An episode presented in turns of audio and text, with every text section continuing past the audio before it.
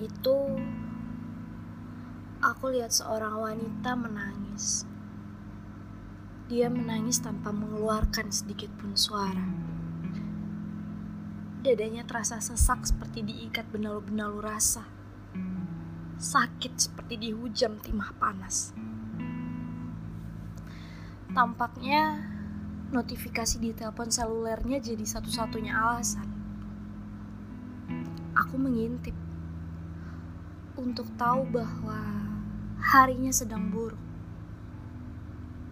Cintanya sedang disakiti, dibelenggu luka dan penyambung nyawa. Cintanya sedang terkulai lemas, berjuang sekuat tenaga untuk bertahan.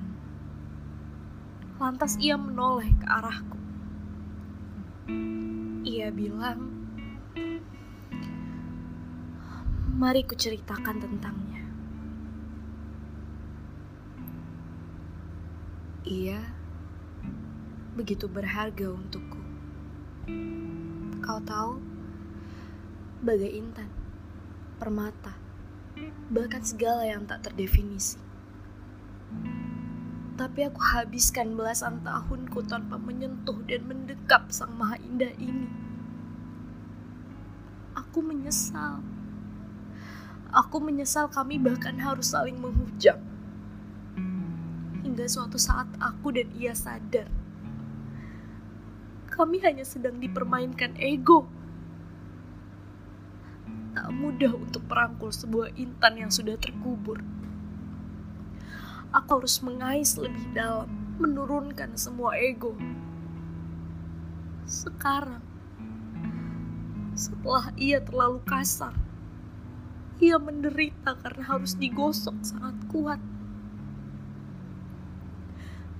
Aku tak kuat melihatnya. Tapi Tuhan tampaknya punya rencana yang lebih baik Aku hanya ingin memeluk intanku. Memeluk apa yang sepenuhnya tak pernah sempat aku peluk sebelumnya. Aku terkesima. Dalam. Ia punya kehilangan yang dalam. Kehampaan yang sumbing ia punya cinta yang besar pada sang intan yang belum sempat ia pegang. Tuhan, mohon beri ia kesempatan untuk memeluk intannya. Sekali saja.